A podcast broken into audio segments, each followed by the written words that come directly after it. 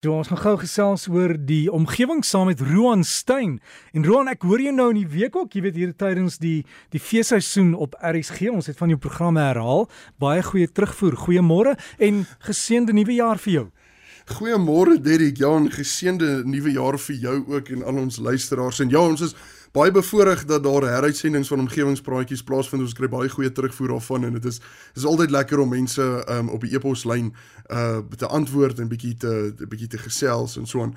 Ehm um, maar ja, uh, goeiemôre Derek ja en goeiemôre aan al ons luisteraars, ons omgewingsvriende en ons vertrou dat 2022 vol nuwe avonture sal wees en vol vreugde en vrede en gesondheid vir almal en ek dink ons almal kan saamstem dat uh, mag die koronavirus nou asseblief sy ry kry tydens die volgende jaar. Maar ja Derek, ons gaan nou nie volgende oor die virus praat nie, maar wel weer oor uile.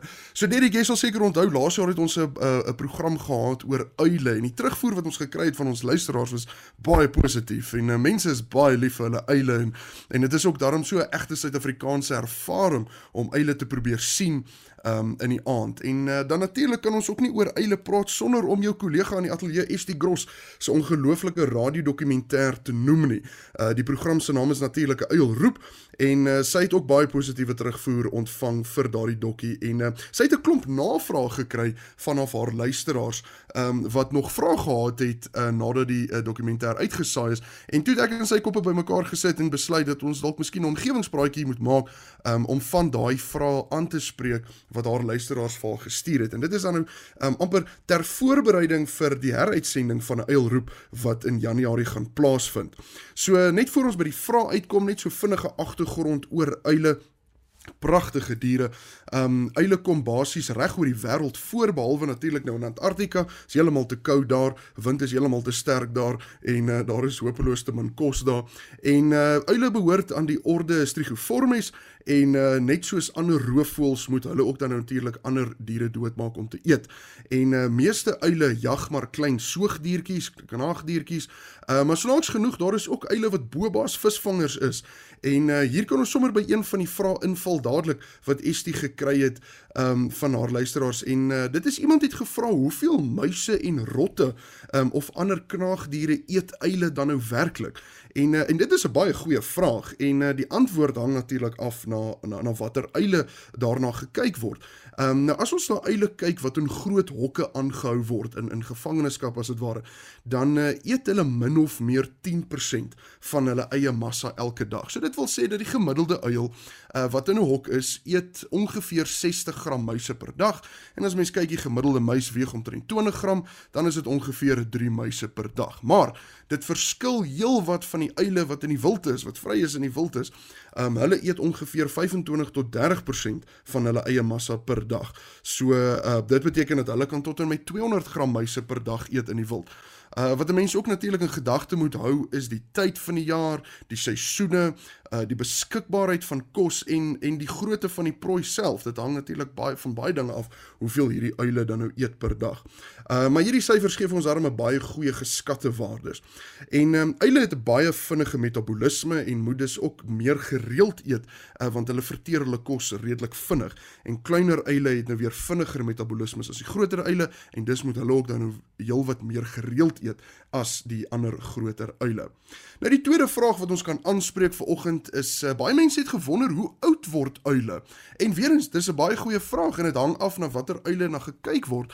Uh, maar ons kan oor die algemeen sê dat uile word ongeveer tussen 9 en 10 jaar oud in die veld wanneer hulle natuurlik blootgestel word aan al die gevare van die wild. Ehm um, alhoewel ons sien dat uh, kleiner uile soos kerkuile en honnetjies uile word uh, maar net 4 jaar oud. En weer eens ons sien dat uile in die veld of in die wild word nie so oud soos byvoorbeeld die uile in aanhouding nie. Ehm um, uile wat die beskerming geniet van aanhouding, ehm um, kan tot en met 28 jaar oud word en dit is maar net bloot omdat ehm um, hulle beskerm word uh, teen die gevare van daar buite. Hulle het uh, hulle het konstante kos wat inkom, hulle word beskerm teen parasiete, hulle word beskerm teen ehm um, ander roofdiere, so natuurlik verwag mense dat hulle lewensverwagting uh, dan nou uh, uh hoër of langer sal wees. Nou uh, nog luisteraars het gevra wat veroorsaak dat uile beserings opdoen. En uh, en dit is 'n uitstekende vraag want ongelukkig is daar baie eile wat seer kry as gevolg van 'n hele rits dinge wat gebeur. Uh die, navorsing wys vir ons dat ongelukkig dat uh dit is 'n feit dat 70% van uile dit nie tot volwasseneskap maak nie as gevolg van natuurlike en 'n paar onnatuurlike oorsake. Uh uile word maar gevang deur roofdiere soos enige ander voëlspesies, maar ongelukkig kom uh, baie uile om ook as gevolg van vergiftiging, um of, uh, of direkte vergiftiging of tweedehandse vergiftiging en um, en dan een een baie hartseer feit is maar dat die uile kom vreet ook aan diere wat raak gery is deur motors en vragmotors in die pad en dan ongelukkig word hulle dan ook raak gery deur vragmotors wat baie baie hartseer is.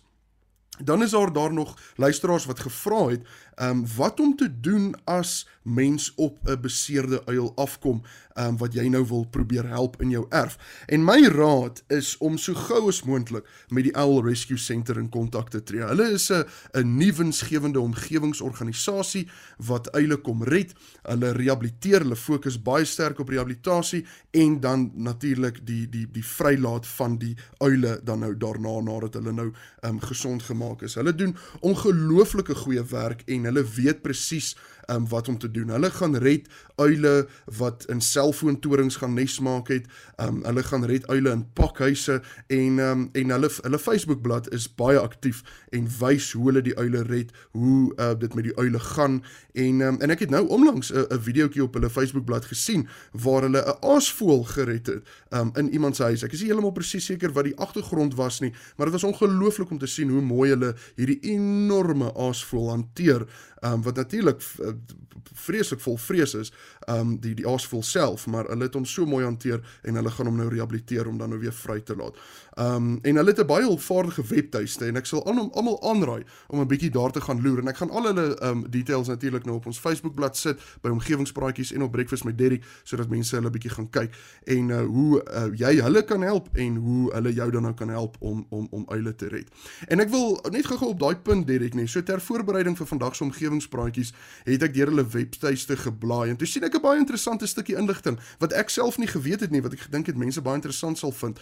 Hulle noem daar dat nie alle eile wat op die grond beland het um, en en dalk net daar op die grond sit, het hulp nodig nie. Um, een so voorbeeld is die gevlekte arenduil. Uh, hierdie uile word soms verkeerdelik weggeneem terwyl daar eintlik niks fout is nie. Maar hierdie gevlekte arenduil spandeer ongeveer 10 dae op die grond voor hy dan nou leer vlieg nadat hy nou uit die nes uit is. En gedurende hierdie tyd op die grond leer die uiltjie nou maar om op die grond te jag en die ouers is altyd net 'n paar meter weg om 'n goeie oogie te hou. So as jy dalk 'n uil op die grond sien, beteken dit nie noodwendig hy het redding nodig nie. As jy seker is dat die ouers weg is of selfs dood is, dan sal 'n mens natuurlik nou ingryp. Maar andersins as die uiltjie dalk net 'n bietjie verder gedwaal het as wat hy behoorte, dan kan 'n mens die uiltjie baie versigtig optel en terug gaan sit daar waar die ouers um, hom nou weer mooi kan dophou. En dit is belangrik om te noteer dat die ouers nie die uiltjie sal verwerp as 'n mens aan die uiltjie gevat het om hom nou net terug op 'n veilige plek te sit nie. En dit is baie belangrik om te noteer. So, ehm um, dit is dan nou alles vir vir hierdie week se omgewingspraatjies. Derek, baie dankie Derek en baie dankie aan ons luisteraars dat julle ingeskakel het vir die eerste program vir 2022 en uh, onthou asseblief dat ST Gross se uil roep 'n uh, uil roep ehm um, uh, uh, uh, uh, eerskomende Januarie nou uh, binnekort weer heruitgesaai word. So as jy hom nou nog nie geluister het nie, gaan maak asseblief seker dat jy luister hom. Dankie Derek. Dankie Roan Stein, alles oor die uile en Roan plaas ook vir ons enigting op die Breakfast Facebook bladsy, so jy kan daar gaan kyk. En ja, as jy wil kontak maak met Roan omgewing by rsg.co.za, die e-posadres is omgewing by rsg.co.za.